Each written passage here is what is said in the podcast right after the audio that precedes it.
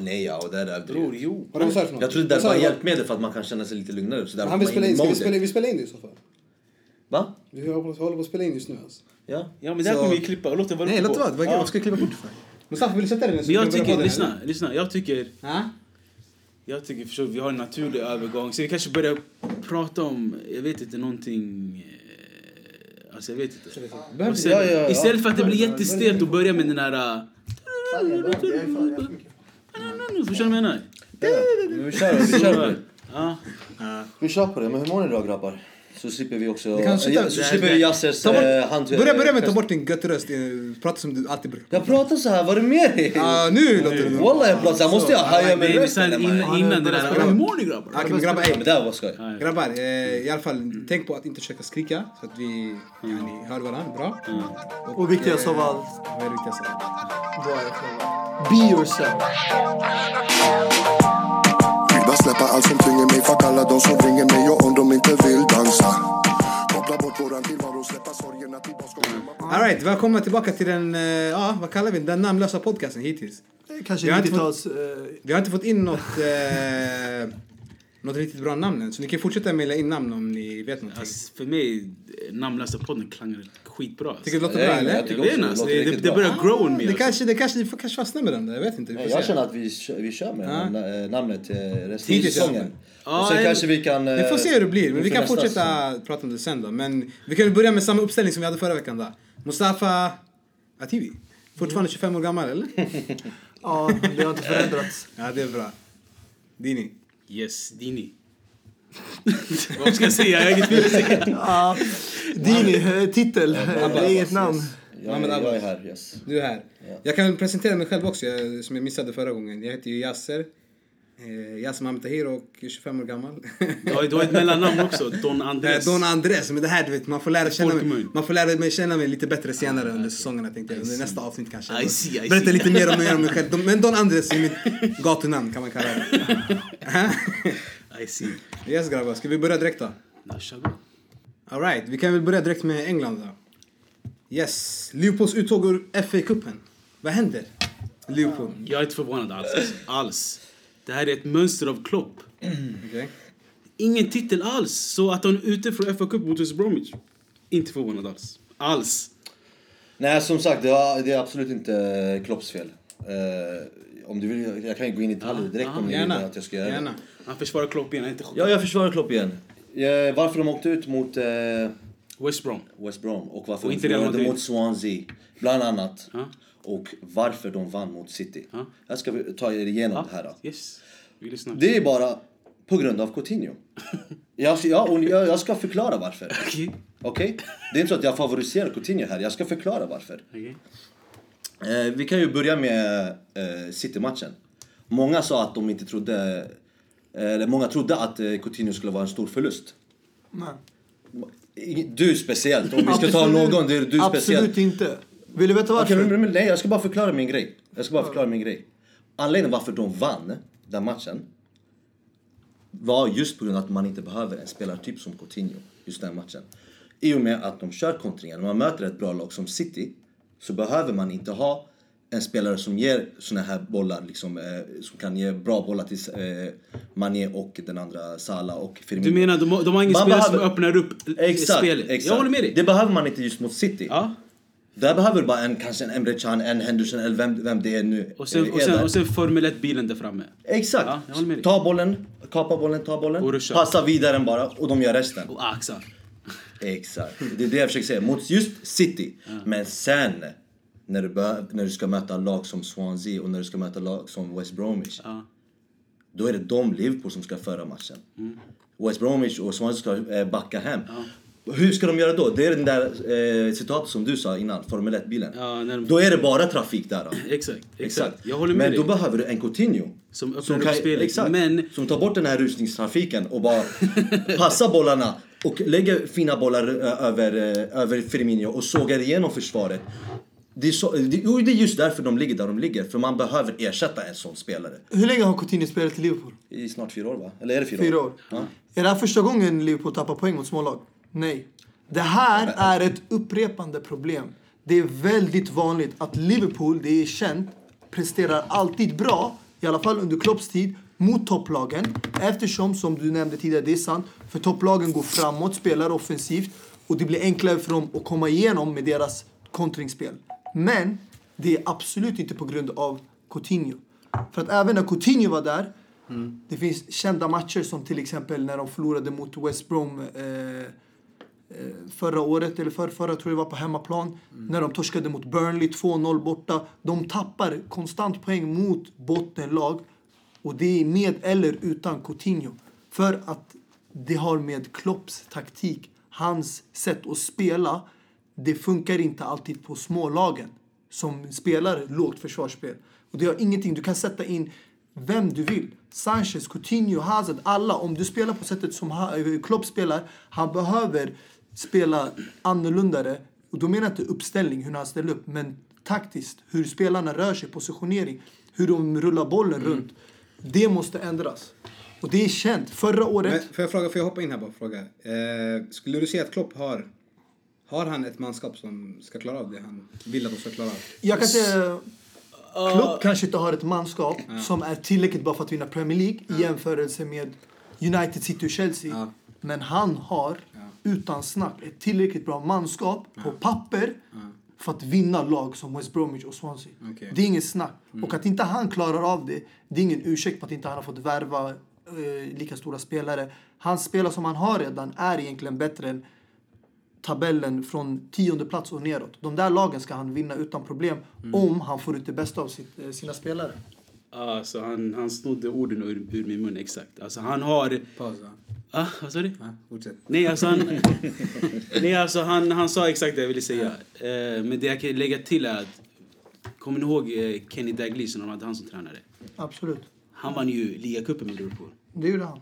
Och f- jag tror folk tycker att, eller folk säger att Jürgen Klopp är en bra tränare. Han kom se, eh, final med Dortmund och bla bla bla. Men han är fortfarande titellös i Liverpool. Man kan inte bortgå från det. Ja, när ni, när ni, alltså, Dalglish vann ligacupen med Liverpool. Rodgers tog Liverpool till andra plats. när ni läm- nämner såna här ligacupen, FA-cupen och sånt. Jag, alltså, Championship-lag skulle kunna vinna det jag skulle bara, nej. Ja, jag vet. Jag alltså, håller med bryr dig. mig inte om. Wigan vann mot Arsenal i finalen. Jag Ja, håller med dig. Ett League-lag kan det var vinna. Wigan mot City i final. Nej, alltså... Hur som. Mot, eh, Black, Ligacupen. det var Blackburn mot Arsenal då. Ja, Blackburn vann mot eh, Arsenal i, Ah. i Carling Cup. Jag Men Wigan vann mot City. lagen. De har ju samma tröjor på. Martinez vann ju med Wigan mot Hur som, om, om, Liverpool, om Klopp skulle vunnit eh, ligacupen till exempel. Vadå, skulle ni sitta här och praisa honom? Ger spelarna ett extra lyft. Ja, men är han en bra, vi snackade om, han, om han var en bra tränare. Om han nu skulle vinna ligacupen, skulle han vara en bra tränare? Men det skulle inte ge något minus. Det skulle, om något skulle ge lite plus. Bro, en Men titel är en titel i slutändan. Som, får jag säga exempel? United förra året. De kom inte ens topp fyra. Men de kompenserade det med att vinna små titlar som Carling Cup och Europa League. Och det gav spelarna Exakt. självförtroende. Och nu om du kollar på det här året. Martial presterar mycket bättre än vad han gjorde förra säsongen med Mourinho. Lingard presterar bättre den här säsongen än vad han gjorde förra året. Det är många. Pogba har blivit bättre, även om han var redan en världsklasspelare. Han i alla fall hade svårt att anpassa sig i Premier League och Uniteds spel. Men han har blivit bättre. Alla har lyft sitt spel. Och det har gett dem självförtroende. Och nu, de kanske... Okej, Okej, Premier League kanske är lite långt ifrån dem. Men de har chans att vinna Champions League. De har chans att vinna FA-cupen. Och det vann de inte förra året. Och nu har de Sanchez också på, i, i truppen. Så det är ett extra tillskott. Ja, det är sant. Men på tal om Sanchez då. Han gjorde ju sin debut för United. Yes sir! FA-cupen. Vilka var det ni mötte? Eller vilka var det United skit i det. Jag kan inte uttala det snabbt. UL Town och sånt där. Men det, det är inte relevant. Town. Det var inte relevant. Nej, det magin, magin på plan som var Ah, relevant, eller? oh, den lilla... Man of the match såg jag att han blev också. Det är klart med två assist. Även om man inte fick assisten till Rashfords första mål. Men jag tycker han borde ha fått det. Ja. Men... Eh, ja, det, jag tycker han gjorde en lyckad debut. Men som sagt, han har inte blivit testad än. Det är mot som sagt UL Town. Låt han spela mot Tottenham nu på onsdag. Ja. Då ska vi se om han håller kvaliteter. Men även, eh, även fast Sanchez gjorde den här debuten så känns det fortfarande som om eh, hypen var runt, runt omkring den här eh, talangen. Vad heter han? Angel Gomez. Angel Gomez. Men vet du Det var varför? mer hype runt omkring honom Grejen än Sanchez. det. han gjorde, alltså, det var inte hans första debut. Han gjorde ju en debut förra året i ligan om jag inte minns helt fel. Men eh, alltså, jag vet inte om ni såg hans sekvens. Jag, jag skickade Snapchat till er också. Men han hoppade in och gjorde direkt kaos. Grejen han är 0-0. Och det är Nanis släkting. Vissa säger att det är hans kusin vissa säger att Nani är hans gudfar. Men de är i alla fall, de är i alla fall släktingar. Så hypen har börjat därifrån. Jag menar, man säger Nilla Messi. I don't know. Jag bara, jag bara säger vad folk säger. är Jag bara säger, jag bara säger vad folk Jag säger. tycker alltså. jag bara, jag bara, vi ska inte snacka om så mycket om den här personen med tanke på motståndet ni mötte. Så jag tycker vi lämnar det där utanför. Ja, som, Men- som vi har lämnat eh, McEachron nu. Det är många spelare. Chelseas gamla talang. Ja, fan. Skillnaden är att jag släpper saker och ting. Tack så mycket. Men, Det är helt rätt att erkänna nu att, att, han inte var, att han inte var en ny eh, Xavi va? åtminstone- Vad är Xavi han det var? Xavi, Lampard, allt jag... jag- En ny Lampard var det. Mike Eckford. Har Kolla jag upp han, eh, kära lyssnare. Okej, ska vi börja ljuga eller ska vi börja prata fakta? Nej, vi skojar. Det är skillnaden. Vad sa du? Fortsätt. Däremot när våra spelare gör debut, de debuterar i Champions Helt League, rätt. i Premier League. Helt rätt. Men låt oss prata istället om nuvarande Chelsea. Okej. FA-cupen gick ju bra för dem, Mm. eller hur? Intressant. Eh, folk kritiserade anfallen, eh, det finns ingen där som tillför mål. Och det är mycket snack om Zeko, men Skulle du säga att, Batshuayi levererade skulle du säga att är en, är han en värd ersättare till eh, Morata? Han är en eh, värdig spelare att få chansen att bevisa sig. Absolut. Och när jag säger ett värdig chans, då menar jag liksom inte ge honom en match, utan ge honom tre, fyra matcher och spela start Okej. och inte byta ut honom i 16 minuter utan låt han spela 90 minuter, tre, fyra matcher och se vad han gör. Och inte bara, det handlar inte om individuella prestationer. Det slutliga resultatet. Om han ändå spelar en stor roll i att få ut det bästa av spelare runt om honom som Hazard, William Okej. och de har ett bra samspel och det leder till vinster. Varför inte fortsätta med samma typ av spelsystem? Okej. Chelsea har gjort det här förra säsongen. Då han lirade, och den här säsongen. Han har lirat flera matcher. Det är inte så Batshuayi. att han, Batshuayi har inte bara suttit bänk varje match. Det är inte sant. Han har spelat några matcher. Visst, han kanske inte spelar fem matcher i rak eller något sånt där. Men han har fått sina chanser. Och han har tagit vara på sina chanser. Så enkelt är det. Han har tagit sina, eh, vara på sina chanser i kuppen som igår till exempel. Eftersom Det du det- inte det- kollade men- Chelsea förra säsongen så jag ska bara ge Ja, en liten... han gjorde mål, tre Nej, mål jag ska, sista nej, ma- jag ska matchen ge dig en liten det kort lärdom bara. Som gjorde så att ni vann Det här. Okej. en av våra medarbetare, Dini, känner igen det. För därför han skrattar åt dig. Men jag ska ge dig en liten lärdom. Okej. Batshuayi startade aldrig förra säsongen. Okej. Han fick inte en enda chans i ligan, förutom Kämpa. när ligan var redan avgjord. Vi var inte med i Champions League, Chelsea. Men när Costa var avstängd förra året, eller var skadad. Vilka tre spelare det spelade framme i Chelsea? Skulle du kunna svara på det, Dini? Jag tror du känner igen den trion. Eh, du menar när ni hade ett smeknamn för dem också? Påminn mig, vad heter de? Alltså smeknamnet kommer inte jag riktigt ihåg, men det var Hazard, William, Pedro. Alla kände till det, Okej. att Conte lämnade ut Batshuayi HVP. ur elvan. Nej, det var något kattigt smeknamn. Vad var det? Så här, något magiskt. Jag kommer inte ihåg. Hur som helst, Skitsamma. Batshuayi lämnades alltid ur elvan Ja. när Costa var skadad eller avstängd. Den chansen han fick spela från start och inte inhopp, det var när Chelsea hade redan avgjort ligan. Okej. Vad säger du, Men han, Abbas? han fick, om inte han nu spelade matcher så som du säger. Jag fick se honom i jätte, jättemånga matcher som när jag såg Chelsea spela. Hoppade in åtminstone. Och sen nu när du nämner det här, när, Di- när Diego Costa inte spelade. Det är ju bara en som, är, eh, som ska ersätta honom. Men han spelade ju ändå inte, då kör, körde de Hazard där. Eller får jag fråga- det? men får jag fråga-? Vad var det jag nämnde? Varför tycker du då att han ska vara värdig en plats då? Om inte ens eh, tränarna, tränarna eh, eh, litar på honom nummer ett och när han bara får eh, spela i ligan och göra mål. Du, Jag styr, kan- det du, finns- just nu strykte du min poäng. Nej. Det var just det jag det, sa. Det, det, det måste ju finnas en anledning varför han inte spelar. Kanske för att han inte är tillräckligt bra. Du säger att han är tillräckligt bra för att eh, spela i Chelsea. Men om inte du får chansen känner- från start och bara inhopp, hur ska du hamna i matchform? Och kunna bevisa dig. För att kunna bevisa dig att du är en startspelare så måste du få starta på pappret. Det är, det är intressant det här med Batshuayi alltså. Men grejen är att, om jag får fråga så här då. Han är ju, det är ju han, just nu, just nu är det han och Morata i anfallet, eller hur? Det är bara de två som är... Ja. eh, Och när Morata inte levererar, till det han har förväntat sig i alla fall. Ja. Är han verkligen, alltså, är han någonting som man kan liksom ha som en backup då? Att, vi- att, är, det, är det tillräckligt, alltså, kan man lita han på är det? ingen utropstecken. Eller ska man verkligen stå till här under transferfönstret, tänker jag? Jag tycker han är ingen utropstecken. Ja. Däremot är det kanske ett frågetecken runt honom. Men om du någonsin ska få ett svar Ja. om det är Du vill- du värt man att starta alltså? en chans få starta i ligan. Okej. Sen, det, han, Alltså- det Mohammed sa, det är rätt. Conte har inte spelat på honom. Men det är för att Han har inte ens fått chansen att spela start i ligan och bevisa sig. Och då ger det honom flera chanser. Inte en match och döm honom efter en match. För alla kan ha en dålig match. Intressant. Alltså jag tycker det ligger mycket i hans attityd, Batshuayi. Alltså om jag får uh, ta mina referenser från internet lite. Det är att han lägger mer fokus på de sociala medierna och här grejer, alltså, känns det som. Okej. Han, jag, kommer ihåg, jag kommer inte ihåg vilken match det var, men när han kom in i slutskedet och avgjorde. Han, han hittade en bild på Batman och poserade. Så här, han hittade en skön bild på sig själv och skrev The Bats saves någonting, någonting.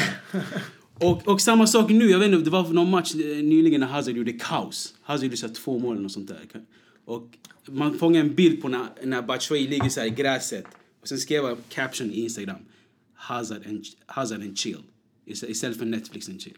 Så det jag menar, han är, han är jättegrolig och jättebra i sociala medier och så, men Absolut. fokusera på träningarna, fokusera på tar ju så mycket attityden. Exakt, attityden ligger ju, alltså han fokuserar att vara en skön person i sociala medier än att fokusera på att vara en renodlad anfallare.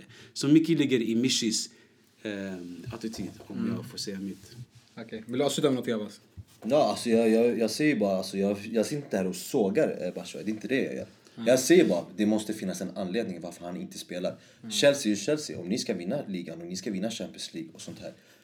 Tränaren måste då ha sett någonting i honom, om han nu ska vara den spelaren som gör alla era mål.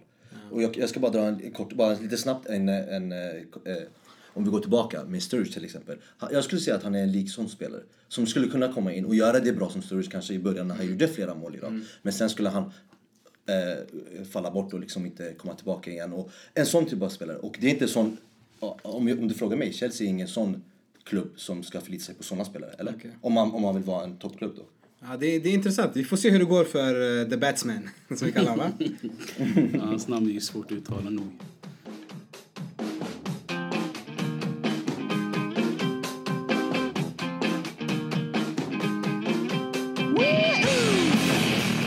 Kommer in på Spanien lite då. Det har hänt en hel del där under helgen också. Coutinho. En viss Coutinho har debuterat i Barca. Med en, det var ett ganska stjärnspäckat lag med Iniesta, Rakitic, Paulinho Sen Coutinho och Coutinho ute på högerkanten. Så var det Messi och Suarez längst fram. Stjärnspäckat. Vad säger ni? Det var en eh, helt okej debut om du frågar mig då. Eh, på, Han var, spelade på en nej, men han spelade på en ovan position. Hans första match. Alltså, det var inte någonting dåligt han gjorde. Han, han spelade, rullade bollen, hade br- bra liksom... eh, Absolut, om vi bortser från pri, prislappen, absolut. Då är han helt okej. debut. Ja, men jag, Alltså jag tycker inte man ska döma efter en match. Ja. Han gjorde inhopp också i kuppen. Men om man kollar på debuten, alltså första start då. Då var det inte vad Barca-fans hade förväntat sig tror jag. Och jag tror inte det vad fotbollsfans i allmänhet hade förväntat sig. Men det är som sagt första matchen, eller första matchen med Ja, inhoppet. Så det är mycket kvar. Och han, Han är inte så gammal. Så man får ju vänta och se om det blir lyckad värvning. Men däremot, jag tror inte han kommer spela så mycket med just Rakitic och Iniesta tillsammans i fortsättningen. Nej, Eftersom den här matchen saknades ju Busquets. Som är en viktig spelpjäs i dagens Barcelona. Mittfältsgeneralen Busquets. Ja, men jag, alltså, vi såg ju matchen tillsammans, Yasser. Yes, det gjorde vi. Och Coutinho var ju mycket på högra delen av planen. Och han är inte van där, som Abbas var inne på. Så jag tror man förflyttar sig alltså, sakta men säkert mot vänsterhållet. Antingen om man spelar vänster mittfältare eller vänster ytter.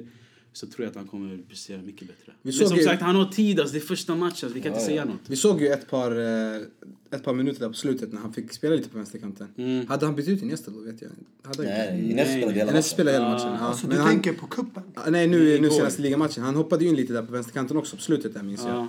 Och då såg man ju en stor skillnad från eh, när han var på högerkanten. Att han, eh, Exakt, att han bara- gjorde instickare, han gjorde liksom, eh, han kom in lite mer i banan från det hållet. precis. Och ja, det såg bättre ut än från, från högerkanten i alla fall, måste jag säga. Ja, alltså jag tror, jag har märkt också att Barcelona, det känns som att de är lite beroende av sina ytterbackar. Eftersom de har haft så offensivt spel genom åren. De är vana med ytterbackar som, av en hög klass. Som kommer in farligt på kanten, lägger djupledslöpningar och passar in snett bakåt inlägg. Och, men jag fick inte se sånt där av till exempel Lucas Digne.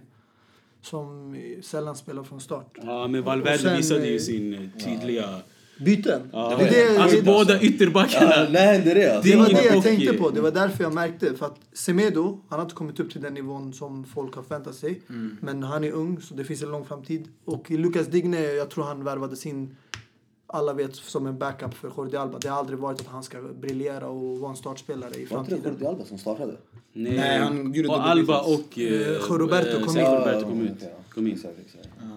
Ja, det var intressant att se hur Men- men... Barca fungerade utan Busquets och båda ytterbackarna Ja, som ja. normalt sett startar. Fast de hade, de hade ett så stjärnfyllt lag så kändes det väldigt trögt första halvlek, eller hur? Ja, ja. När eh, vår egna super John Guidetti Ja, exakt. snubblade in 1-0. Ett Alaves som ligger på 19 poäng i La Liga. Mm. Och nästan, nästan i bottenstriden där. Då. Det är ju... Det Jag ska, ju, det ska ju se bättre ut med så stjärnfyllt lag tycker jag. Eh, Även om de är obesegrade i ligan. Och, och de löste det till slut så skulle jag säga att första Men jag halvlek tror, alltså, jag tror man kan inte komma bort från att de på något sätt känner sig bekväma nu. Förstår du? Med att Real Madrids stora glapp. Att de har tappat hungern eller? Ja, det är samma sak som Bayern München känner varje gång efter december. De har ju klappat och klart redan där. Varje gång Bundesliga. Så jag tror den där syndromet man inte kommer bort att de känner sig bekväma och mätta lite i, när det kommer till ligan. Men de vann ju matchen ändå så...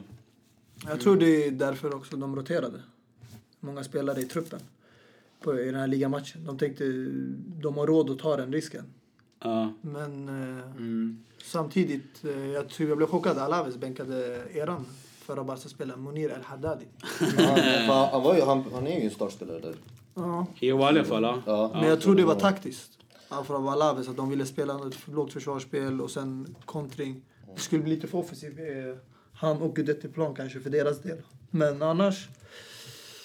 Eh, man kan ju kolla mot eh, Madrid-hållet. Där såg det väldigt ljust ut. Jag gillar Real Madrid. Jag måste säga att eh, trots kritiken de har fått. Det är ändå liksom svårt att se det liksom från ett annat perspektiv eftersom folk glömmer bort vilka spelare de har tappat. Vilka menar du nu? Alltså, Real Madrid? folk, ja, en del. Alltså, det finns många spelare, även bänkspelare, som är nyckelspelare som har en viktig del i laget. Och eh, de har inte ersatt det. De har varit ovanligt tysta i transfermarknaden måste jag säga. Men Real Madrid är ingen sån här, sån här lag som värvar i januari, så stressvärvningar. Januari är till för att ersätta någon långtidsskadad, ser jag det som. Eller, eller om det brister någonstans väldigt stort. För Real Madrid kan inte värva en Andy Carroll. Eller, Nej, jag tänker inte på januari utan jag tänker allmänt också i sommaren. Ja, men nu, jag tror i sommar kommer ske stora grejer. Alltså. Men nu i januari, alltså, de ska inte värva något. Det kommer bara rubba lagkemin ännu mer.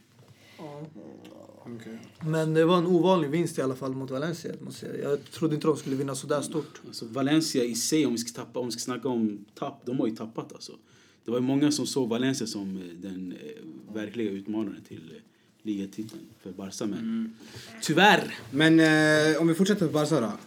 De har ju varit obesegrade den här, hela den här säsongen i La Liga. Och eh, ja, du tog upp det här bara innan. Men jag tänkte på, tror ni att de kan slå rekordet på 100 poäng? Ja, rekordet Under- ligger på 100 poäng, eller? Ja, det är Real Real Madrid. Madrid. Real måste man Madrid och? Barcelona har tagit 100 poäng. Hur många matcher måste man vinna då? Då måste man vinna. Det är en bra fråga. Det är, ju- det De är, måste tre, det vinna är tre poäng per väldigt match. många matcher måste Och de det är 38 matcher du spelar. Ja, men då, får, då, då får man... Ska vi göra en ma- snabb matteräkning här? Eller vad sa du? Tre poäng Hur många matcher är det kvar? gånger... Eh, många- Det blev en mattelektion, eller hur? De har ju tappat många många matcher, matcher. per... per eh, Det är 38, 38. matcher de spelar. De har ju spelat oavgjort 140, 114. en hel del. Är det 114? Kan man, kan man vinna som max, eller? Ja, det är maxpoäng. Alltså man vinner alla 38 matcher, tre Ja, poäng. Det är tre gånger 38. Så de, har, de, har, de får bara tappa 14 poäng alltså. Jajamän. Jag tror det är möjligt att de slår 100 poäng, Så, men... så det- 14 Så poäng fyra ma- ungefär är typ tre förluster och två kryss. Fyra förluster. Förlåt, fyra, fyra förluster och två kryss. Jag tror de kommer tappa... Varför inte faktiskt? Alltså, vadå? De, har, de har inte förlorat en enda match. De har kryssat två, eller? Men de har inte kickat igång med Champions League. Och när de här kickar igång och de börjar spela Champions League, Copa del Rey och de Ja, ska möta ja, fortfarande Real Madrid, Atletico Madrid. Alla de här lag som de har redan mött en gång ska de möta. Vissa lag är ju hemma, men jag tror de kommer tappa poäng mycket mer. Och sen kommer sli, spelarna bli mer slitna Mm. och säsongen slut. Så det kommer bli svårare. Det är samma sak med ja, Eh, City. De har ju också tappat väldigt lite poäng. Och det är inte bara det, alltså när man har, när man har liksom så många poäng eh, framför Atletico Madrid och eh, Valencia och de här lagen så, så kan man ju riskera med att eh, köra B-laget. Så där kanske man tappar poäng. Men om vi fortsätter lite med Real Madrid igen då. Och deras eh, flopp i kuppen mot Leganes. De har ju åkt ut nu eh, ur eh, kuppen. Ligan verkar vara över. Och det är Champions League kvar. Det är, det är, ja, det är en tuff säsong alltså. Det ser mörkt ut på alla fronter. Ah, ni- Champions League är ju Real Madrids liga, det får du inte glömma. Ja, Det här är deras hemmaplan. Två år i rad. Ja, Varför man inte ska tre? aldrig, nej, man man ska, ska aldrig aldrig säga omöjligt men... eh, Nej, jag skojar bara. Det, det ser mörkt ut i alla fronter, absolut. Men eh, jag säger det igen alltså. Eh, Zidane tror för mycket på sina unga spelare. För mycket. Men ehm, samtidigt, jag tycker eh, med tanke på deras trupp, det är inte eh, så chockerande att det har gått så här. Eftersom de inte har en bred trupp att rotera på. Och vi får inte glömma också att de spelade VM-klubblag under december. Du behöver en bred trupp när du spelar i Champions League, ligan, Copa del Rey. Och eh, det är som Dini säger. Han, eh, hans lag är överskattat. De spelarna han har på bänken och från akademin. Men samtidigt måste jag säga att en Ashraf Hakimi och en Marcos Llorente och en Theo Hernandez ska slå Leganes. Förstår du vad jag menar? Det, det, här, är- det här är ändå ja, en, ett B-lag, men samtidigt så ska de slå ut lag som Leganes i kuppen. Okej. Så det är ingen ursäkt alls från Zidane. De hade ju en eh, 1-0 vinst med sig från bortaplan. Mm, precis. Och då var det också ett eh, B-betonat lag. Men om, om jag slänger in någonting, någon lite rolig fakta här. Ni vet att det är 10 poäng skillnad mellan eh, Real Madrid och Leganes i La Liga? 10 poäng. Så är de verkligen så dåliga?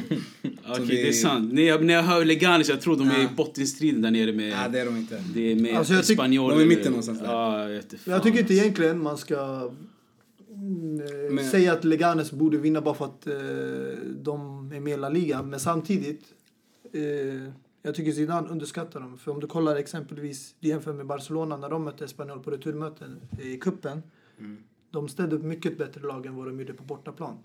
Men de var ju också i underläge 1-0. Okej. Men jag tycker ändå Real Madrid förväntas ska vinna på hemmaplan. Men kan det inte vara något positivt då att, eh, att Zidane försöker ge ungdomar lite mer Jo, unga talanger lite mer Men, men, speltid? men slussa in dem. Så som, okej jag säger att Mourinho går till överdrift och inte ger dem alls tid. Men Zidane gör dem för mycket tid. Där någonstans måste du ha balansen, att slussa in dem sakta och sakta. exakt. det här är unga spelare som sagt. De har alltså, det tar tid tills de blir en startspelare. Jag tycker eh, ett lag som har varit bra med det, det är eh, Atletico Madrid. Okej. De hämtar ju in, eh, alltså om du kollar genom åren förut, de har haft anfallare, unga. De kommer in men i rätt Tidpunkt. tidpunkt. Exakt. Exakt. Så de får sin tid. Så det är inte direkt att man börjar starta utan man får göra några inhopp, man får med i truppen och vara en rotationsspelare och sen sakta men säkert när spelare lämnar laget, då tar de sin startplats. Jag tycker Zidane gjorde det bra med eh, Asensio Vasquez. Men eh, det är lite tidigt för andra spelare.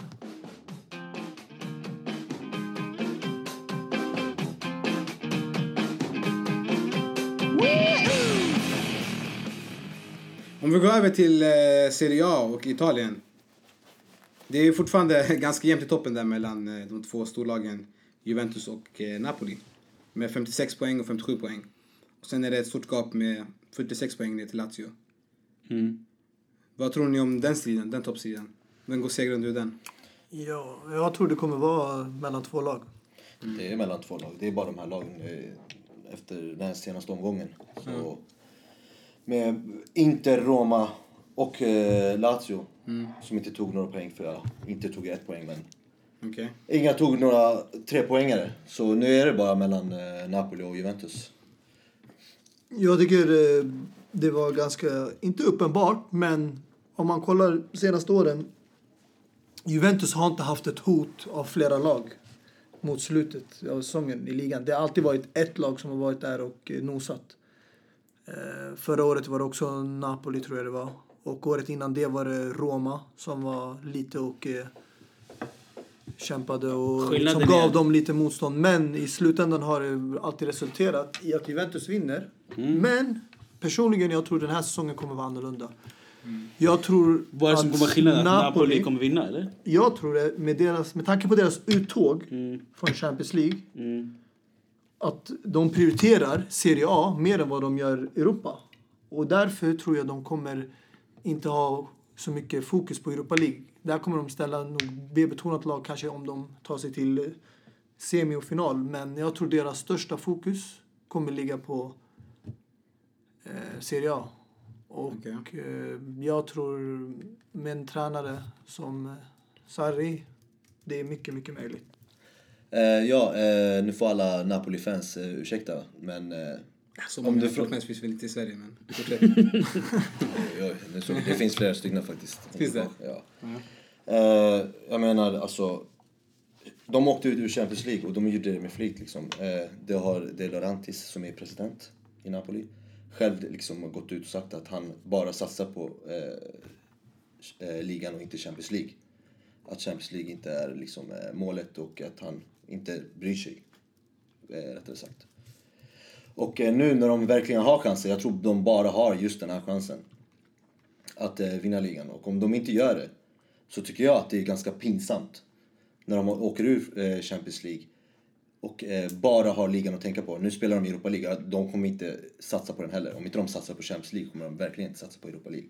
Så nu är det bara ligan. Och det här är den enda chansen de har. Vinner inte de den, det är pinsamt. Man ska vara riktigt, riktigt förbannad och sur och ja. Och man kommer, man kommer aldrig veta när Napoli eh, kommer få den här chansen igen. Ja, det är lite som om jag kan dra en snabb parallell till England. Om, eh, som Tottenham och Leicester när de hade den här titelstriden. Det var Tottenhams enda chans att egentligen vinna ligan för alla andra lag var ju alltså, rent av skit. Arsenal, Chelsea, United, allihopa City. Men Leicester tog den här chansen och eh, eh, tog eh, titeln i England. Så jag tror det är samma sak här i Napoli. Att om, inte, om de inte vinner nu så tror jag det inte kommer komma flera chanser. Jag vet inte, jag kan ha fel. Alltså jag tror personligen Napoli har en stor fördel. Eftersom att Juventus har vunnit ligan sex år rad. Och vi alla vet Juventus senaste värvningar till exempel som förra året eh, Higuain. Mm. Deras prioritering ligger i Champions League. Det är den titeln de inte har lyft på jävligt länge.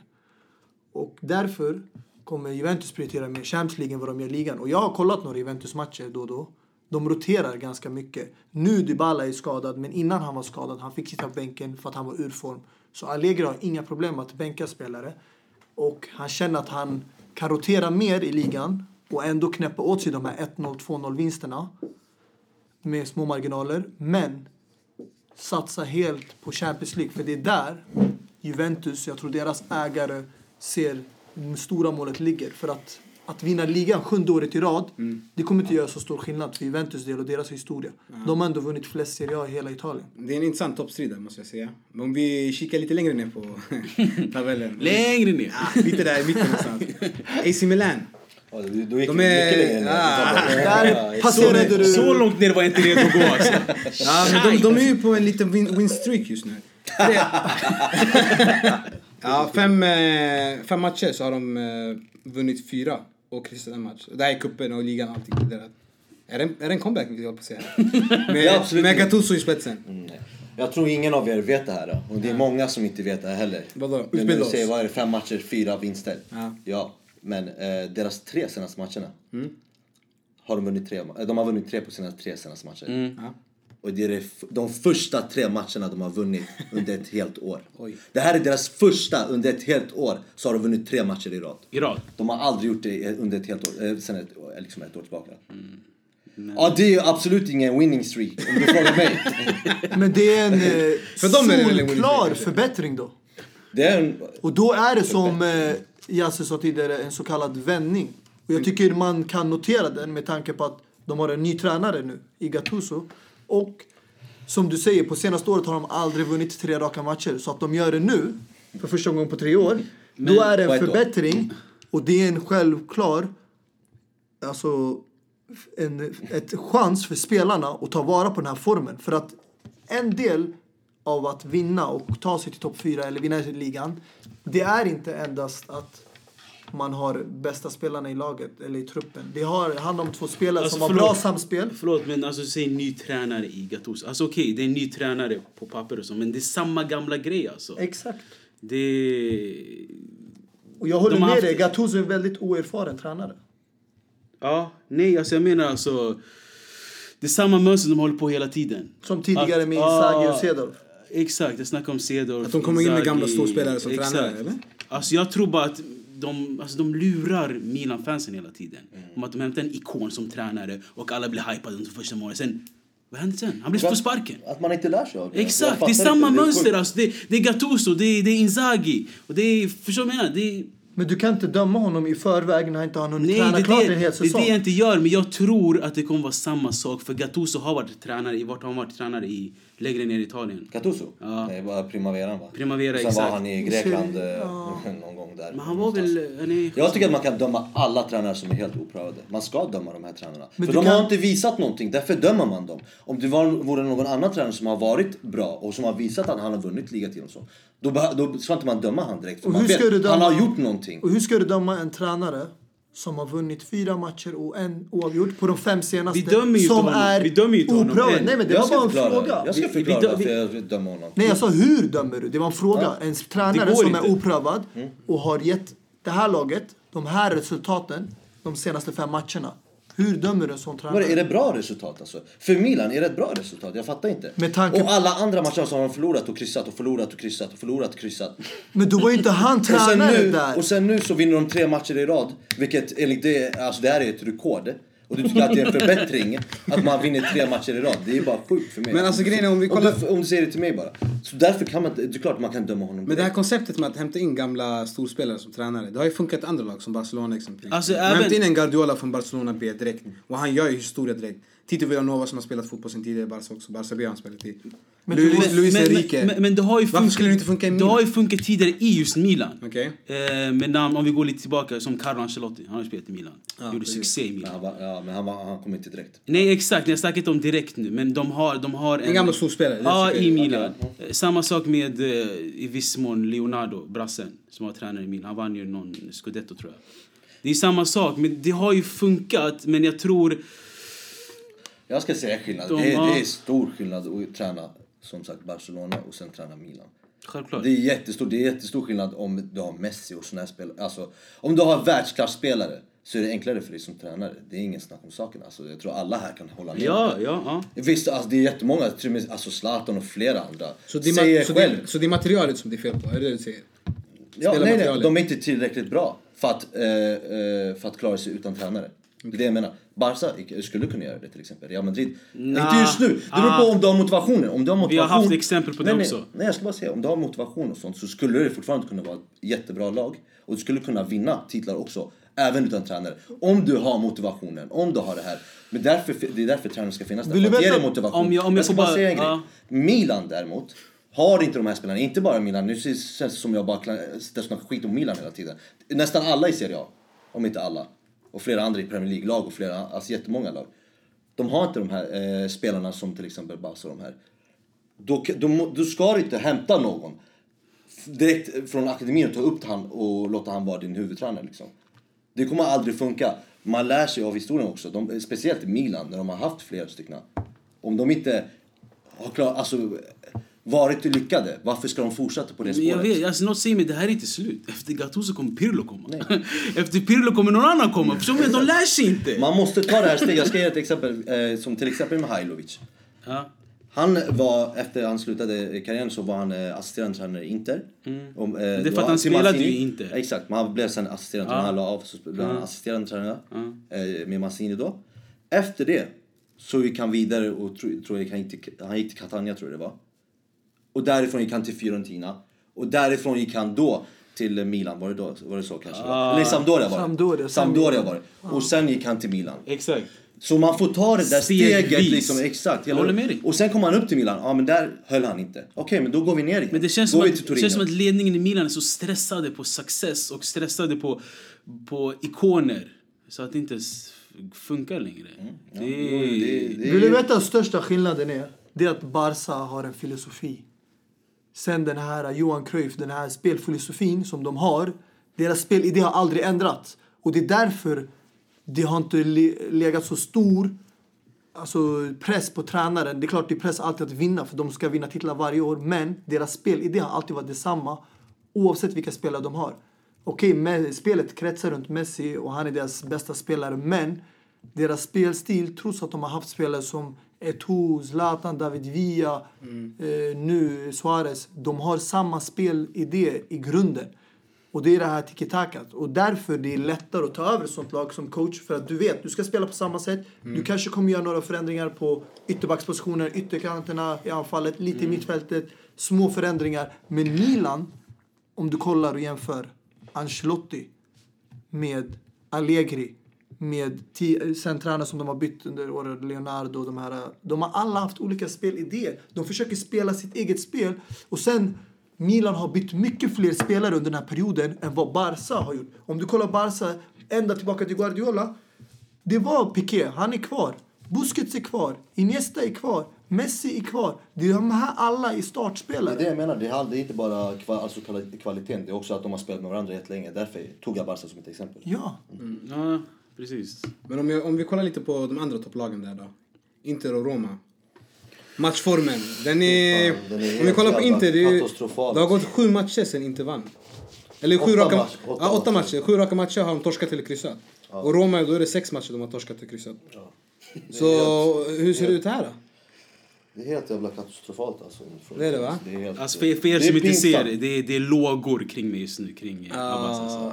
Nej, det- som har väldigt, väldigt starka sympatier till, eh, till Italien då. Vi behöver inte gå in på lag kanske men det kanske märks av sig själv. Nej men det är jättetråkigt alltså när man ser, får se sånt här. Alltså. Eh, brist på spelfördelande liksom, mittfältare som eh, Italien hade jättemånga sådana spelare förut men de har inte det nu och det är det som jag ser problemet i Inter och Roma. Att man inte har den där spelaren, en, eh, i Inters fall, en Schneider till exempel. I Romas fall har de en spelare, men som han, han, har, han har ju varit skadad och det är kanske därför de har förlorat de här matcherna. Och då pratar jag om Perotti. Eh, han, är, han är riktigt, riktigt bra. Och eh, han har inte spelat de här matcherna och det ka- kanske har fått dem att eh, förlora de här matcherna. Anledningen varför eh, man behöver eh, såna här typer av spelare, det är att... Jag ska, nu, nu ska jag prata om Inter här. Max Allegri, det är han som har förstört, eller gjort så att Inter har kryssat och förlorat eh, de här åtta senaste matcherna. För han har gjort så att hela Italien eh, har börjat eh, läsa sönder Inter. Alla vet hur Inter spelar just nu. Okej, men alla och vet hur Barca spelar vägen. också. Vad sa du? Alla vet hur Barca spelar också. Det är inte, nej, men jag ska förklara till dig. Ja, det är inte samma sak här i Italien. Ja. Det är inte samma sak. Mm. Och Barca, som sagt ännu en gång, om bara för att fylla på där. Mm. Det är skillnad att ha Messi eller att du har en Kandreva där. Det, ja, jag vet, Ja. men det var inte det jag ville säga. Ja. Jag ville bara säga att det är flera lag man kan läsa av, men det är svårt att göra något åt det. Exakt. Det är det jag ville säga. Ja, jag ska förklara också Ja, nu. varsågod. Inter till exempel, vad som är felet. Varför man inte gör lika eh, mycket mål förut. Varför spelet inte ser lika bra ut som, eh, som det gjorde just då. Det är på grund av att eh, kanterna, Max Allegri när, vi, när Juventus mötte Inter, så hade han två på eh, Perisic och två på eh, Kandreva. Det var minst. Det kunde till och med vara tre på de här spelarna. De här spelarna, just nu när jag snackar, nu är jag sur när jag pratar, eh, när jag pratar just nu. Perisic och Kandreva, det är spelare som inte kan dribbla förbi spelare. Som inte kan, spelare som Sanchez, som Messi om du vill se det. Martial. Som, nej, ja, jo, varför inte? Varför inte faktiskt? Han är varför där, inte? han är där, absolut. Martial också. Såna här spelare som kan dribbla förbi fyra spelare. Mm. Eller gå förbi sådär, eller tre spelare. Eller varför inte till och med två spelare? Mm. De är inga, de är one, one eh, vad heter det? En mot en. Spelare. Det är bara så de har gjort det. Ha, lägger du två eller tre spelare på de här. De är Ingen- förbi första fast inte andra. Exakt. Jag håller med dig. Och vad har vi, vem, vem har vi där i mitten? Jo, vi har Icardi som bara väntar på de här bollarna. Kommer inte de här bollarna, då blir det inga mål. Och jag, jag ska, nu, absolut inte, det är inte det jag försöker göra nu när jag ska börja prata om Icardi. Men Icardi är inte en sån typ som kan hämta en boll och springa runt och dribbla förbi alla och sen skjuta, in i, eh, skjuta bollen i mål. Han är ingen sån typ av spelare. Han behöver bra spelare Ja, runt omkring sig. vad, vad är han annars bra på? Jo, han är världens bästa på att göra mål. Ge han bollen så gör han I mål. beg to differ. Nej men det här, det är sanningen. Harry Om Kane. inte, om inte. Om, Lagsympatierna om är tydliga. Nej men jag säger bara, det, det, är så, det är så det är. Om inte så är han i alla fall där uppe. Det är ingen snack om den saken. Ja, det kan ja, alla oh bli ja. Det håller alla om. Yes. Men han är inte bättre än Det är Suarez. jätteenkelt. Det är jätteenkelt. Ska du läsa Inter? Stäng bakkanterna. Så du menar... Stäng bakkanterna. För. Icardi kan inte göra mål om inte han får en boll. Och sen, det är det jag försöker, varför jag snackar om mittfältarna, det var det jag försökte komma fram till. Ja. Om du har kanter som inte kan göra någonting så behöver du en mittfältare som kan ge Icardi-bollar. Jag trodde personligen att Borja Valero var den typen av spelare. Han är ju det. Han är ju det. Men han Han är var det i början av säsongen.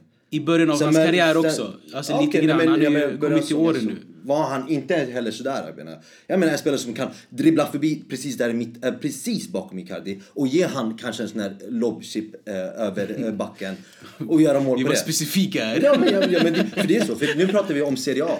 Serie A kör mycket defense. Jag ska bara förklara för det. Om du summerar ihop det, vad du menar. Ja. Ja, om jag ska summera hela den här grejen.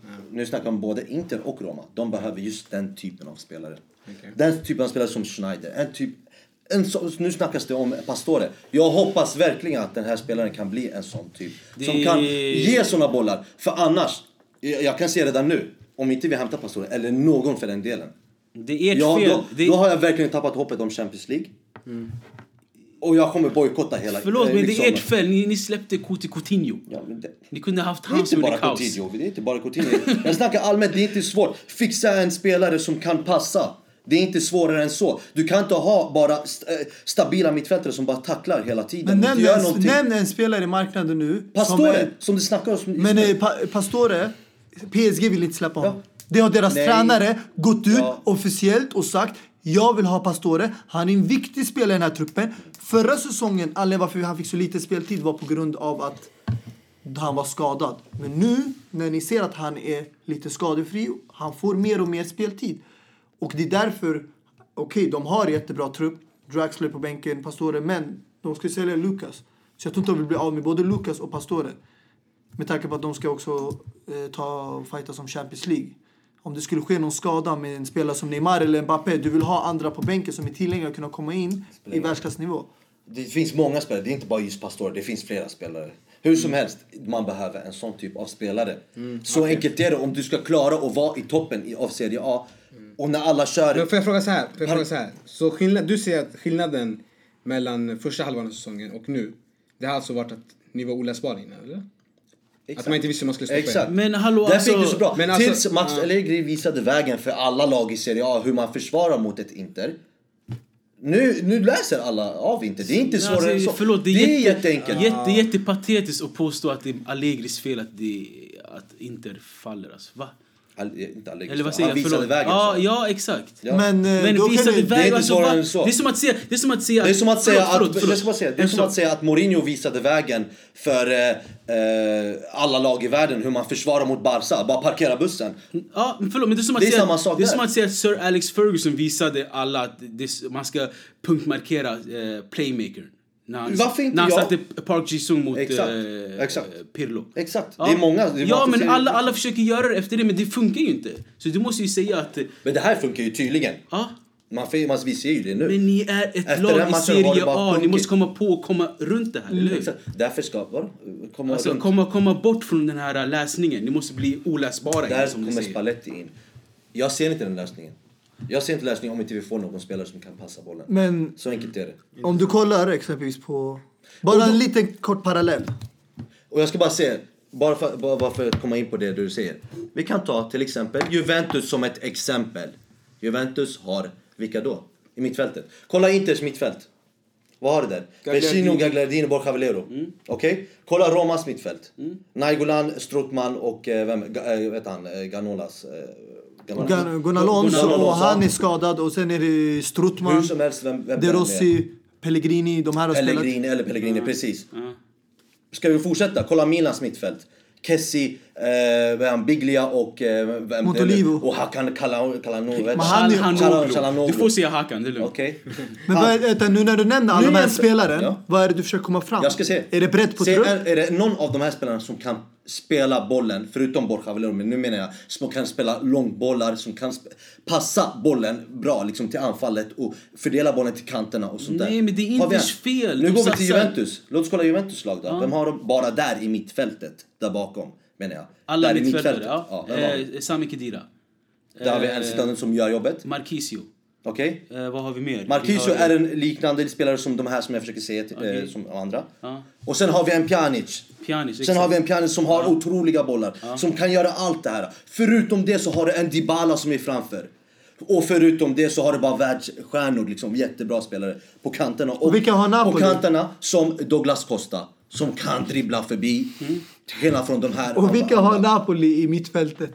Napoli, jag ska, och Napoli, det är det jag vill försöka också komma fram till. Napoli är något helt annat eh, för, eh, för de andra. De har en spelidé. Som inget annat lag i världen har, inklusive Barca. Ja, och den är vacker att skåda. Ingen spelar finare den fotboll är, än Den är Napoli. skitvacker. Ja. Om jag, jag önskar att det inte kunde spela så. Alla önskar eh, att man kan, eh, man hoppas ju att man kan spela som en Napoli. Men det, det är skillnaden där. Men jag håller tyvärr inte med dig. Också har de jättebra Vill du veta spelare. varför? Om vi tar en titt på Guardiola. Nu snackar vi om spelfördelare och den offensiva delen. City förra året, de hade Sané, de hade Sterling, de hade Kevin De Bruyne, de hade David Silva, de hade Agüero. De hade alla de här offensiva spelarna. De som de har hämtat in nya förra året i januari var Gabriel Jesus och i sommaren Bernardo Silva. Och de här båda är ju bänkspelare som vi vet. Så om vi tar en titt på dem. Förra året läste de flesta Premier League-lagen City. De lyckades ta ett poäng vinst. Hur kommer det sig att han har lyckats ändå bryta sig igenom försvar och vinna 18 matcher i sträck? Det längsta streaken i Premier League. Han slog rekord. Och bortsett från det så leder han ligan med en bra marginal, alltså marginal och han har samma spelare i den offensiva delen. Han har förstärkt yttrarna defensivt. Så det handlar inte om, om spelfördelar. Folk läste honom så som folk har läst nu Inter.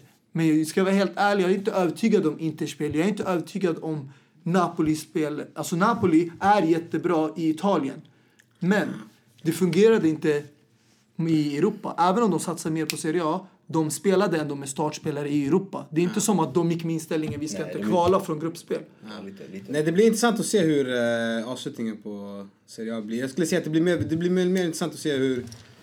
Ja, inte Vi- ettan och tvåan blir i alla fall, men de Vi kan under. definitivt säga att den här diskussionen är inte slut än. Vi kommer Nej, komma in därför i vi de kommer här lagen. till. Jag tycker det är Men värt... det, är- men, det, är- men det är viktigt att uh, i alla fall poängtera att Milan är har sin lilla vinststryk på tre vinster nu.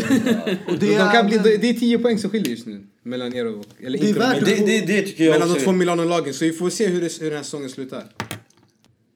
Jag tycker det är värt också att nämna Lazio som har intagit en tredje plats i Serie A. Bara smugit sig upp.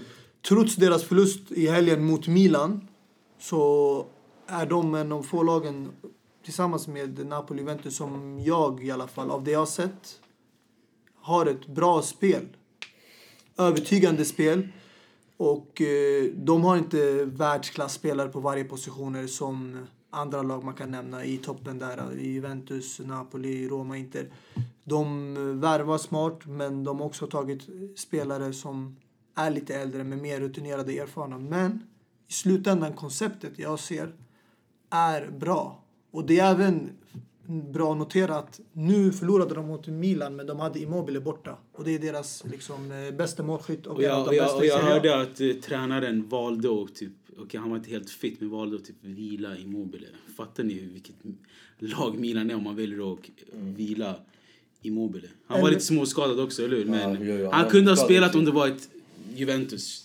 Eller så kunde han ha spelat och tagit risken och kanske blivit skadad och borta resten Ja, av ja, säsongen. självklart, självklart. Men jag menar hur han sa det, det var att vi, vi, vi, vi, har, vi har utrymme att vila Immobile. Det är det jag försöker säga. Hur, som- hur som helst kan vi väl ändå summera att eh, Alltså, toppstriden verkar vara ganska klar, men eh, Europaplatserna, det är väl de som blir intressanta i Serie A. Jag tror om Lazio fortsätter på samma Menar du... Eh, alltså, Europaplatsen. Ja, Europaplatserna, Europa alltså Champ- ja, Champions League och Europa. League. Ja, med trean och fyran? Trean, fyr, trean, hela, trean hela vägen ner till sexan. Ja, okej. ja.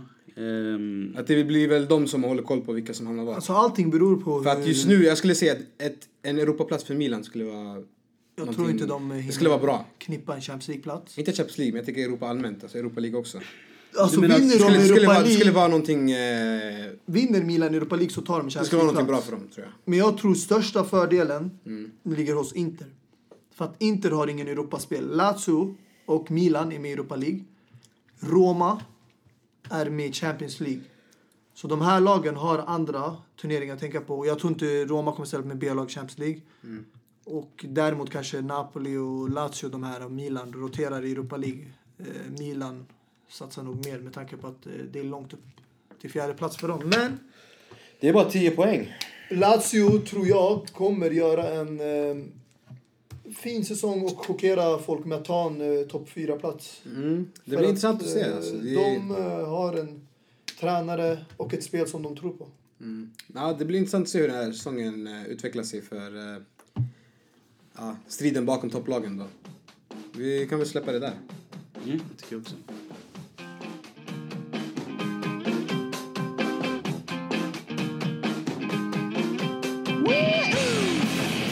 Det har varit en hel del snack om eh, VAR-teknologin som används i Serie A bland annat. Där vi hade en incident i helgen med Milan. Och eh, La Liga också. Där vi hade en incident. Vad skulle ni säga om den teknologin? Video Reference Assistance heter det tror jag. Ja, men de, de kör ju med det i Serie A var. Jag tror, kör de det? De kör inte det i... Alltså de har inte... De bara kör lite enkelt där i La Liga va? Eller i cupen. I England, England. använder de England. England har testat på det, det är ingenting de har standard. Kuppen, Exakt. alltså kuppen har de börjat Kupperna göra, använder de det. Nej men just Milan då, Ja. eh, matchen, eh, där de, eh, deras första mål. Mm. Cutrone som eh, axlar in den, eller vad är det? Med handen så skjuter han in den liksom i målet. Vad heter det? Vad? Ja, styr in bollen i målet. Nätar med armen kanske vi ska säga. Jag vet Exakt. inte. Någonting i alla fall. Han nätar med handen då. och styr in den i mål helt enkelt. Hur som helst, eh, i, i Italien har man ju VAR. Och eh, domaren kollade även, jag vet inte nu, han kanske inte gick och kollade i kameran sådär direkt. Men eh, han fick ju instruktioner från eh, eh, domarteamet. Exakt, det är det som är problemet. Huvuddomaren måste, alltså han, han, han får ju välja om han ska lyssna på vad är det, sjätte eller sjunde domaren som sitter Exakt, ja. eller inte. Så jag tycker de ska ta det på större allvar att ta alla sekvenser som de är osäkra på, att gå och kolla. Mm. Annars blir det sånt här. Hur som helst. eh, det blev fortfarande mål, även fast det var jätteklart och liksom tydligt att eh, det skulle blåsas för eh, hans. Så det är jätte, jätteskumt. När man verkligen kör med det här så, så funkar det fortfarande inte. Det, Jag det är måste sjukt, ja. faktiskt hålla med dig där. Alltså. För att eh, de har ju också, som vi sa tidigare, börjat testa det i kupperna. Och det skedde några eh, I, i, incidenter I England snackar de nu eller? i England då, i kupperna mot eh, West Brom och Liverpool tror jag de är. West Brom, Liverpool och när Chelsea mötte Norwich eh, där Chelsea fick två röda kort. Eh, Arsenal-Chelsea-mötet, Carling Cup. Eh, det var omdiskuterade situationer. Men eh, det känns inte i alla fall som att domarna i England det lika som i Italien. För att där förlitar de sig oftast på, ja, jag vet inte vad är det, fjärde, femte domare som kollar där uppe på skärmen. Ja. Men i England, eh, det är ganska nytt. Så de är inte vana vid det och de känner inte, jag tror, eh, behovet av att börja använda Premier League. Det är därför de är lite skeptiska till den idén. Men i Serie A, det har ju hänt mycket turbulens tidigare eh, under åren där folk har klagat mycket på dombeslut och så. Så det är därför de Ja. känner att det är en bra idé att utnyttja systemet. Alltså jag måste bara komma in i det. här är bara en, en taktisk uppläggning för att göra re, mer reklam i fotbollen. Om vi ska komma in nu allmänt, generellt. Det kommer, alltså jag tror fotbollen... Konspirationsteorier eller? Ah, mm, ah, jag vet inte om jag ska kalla det för konspirationsteori, men fotbollen tror jag är på väg mot NFL och Super Bowl-hållet. Att när, trä, när domaren ska ha, ha sin tid och kolla VAR så slänger de in en lite reklam och så. Så det är jag väldigt rädd för och det är väldigt sorgligt om det kommer bli så. För jag vill att 45 minuter ska gå, sen en kvart paus och 45 minuter igen. För om det blir den här reklampausen, det kommer börja med reklampaus, det kommer fortsätta på en artist som uppträder. Var- var kommer vi sen hamna? Det kommer inte bli fotboll längre. Så jag tycker man ska ta väldigt lugnt med var, var, var Hur mycket hamnar. teknologi man ska blanda in i fotboll. alltså. Exakt. Vi ska fortfarande, vi ska fortfarande lämna kvar det åt eh, spänningen, känner jag. Jag vet inte, om man tänker efter så, alltså det här som du säger att det blir reklam och sånt. Det finns det, alltså det finns ju sånt fort, eh, just nu. Om du kollar till exempel på italienska kanalerna, Sky Sport och såna här kanaler, Premium Sport och sånt. Eh, alltid när det är vid, vid ett byte till exempel, så switchar de direkt till reklam. En snabbis, typ såhär 10 sekunders reklam, Ja. eller ja, 5 sekunder eller det.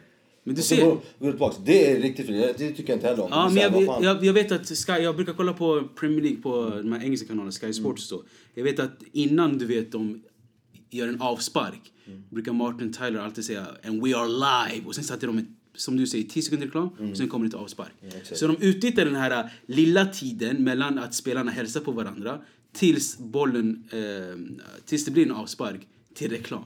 Så jag menar om de får lite mer tid i VAR kommer det bli ännu mer reklam. Men det är ändå värt att ta med den teknologin. Självklart, men jag tycker man ska ta det lugnt med att ge VAR för mycket tid. Alltså kolla, om du bortser från en sån idé. Kolla bara genom åren. Om du kollar 20 år tillbaka och sen kollar du de senaste 10 åren. Hur stor jämförelse det har varit att dombeslut börjar mer och mer bli felaktiga. Precis, ja det är det. Och det är inte små beslut, det är grova eh, röda kort, straffar, offside-lägen. Alltså bara nu i helgen om vi kollar när Barcelona mötte eh, Alaves på hemma. ja. Där har du en situation där deras, där alltså. där deras första mål, Ja. Suarez mål, det var Mm. en hands på Piqué som ledde till anfallet. Andra situationen där Messi gjorde mål på frisparken Mm. så var det en grov offside på Alcacer som eh, stod offside position och sen vann de en frispark på det. Mm. Han vann frisparken utanför straffområdet. Och sen i andra ändan, i slutet av matchen, så var det en hands på Umtiti i Men får jag fråga dig en sak Mustafa? Om, om, vi, om, vi, om vi fortsätter på det här ämnet med teknologi.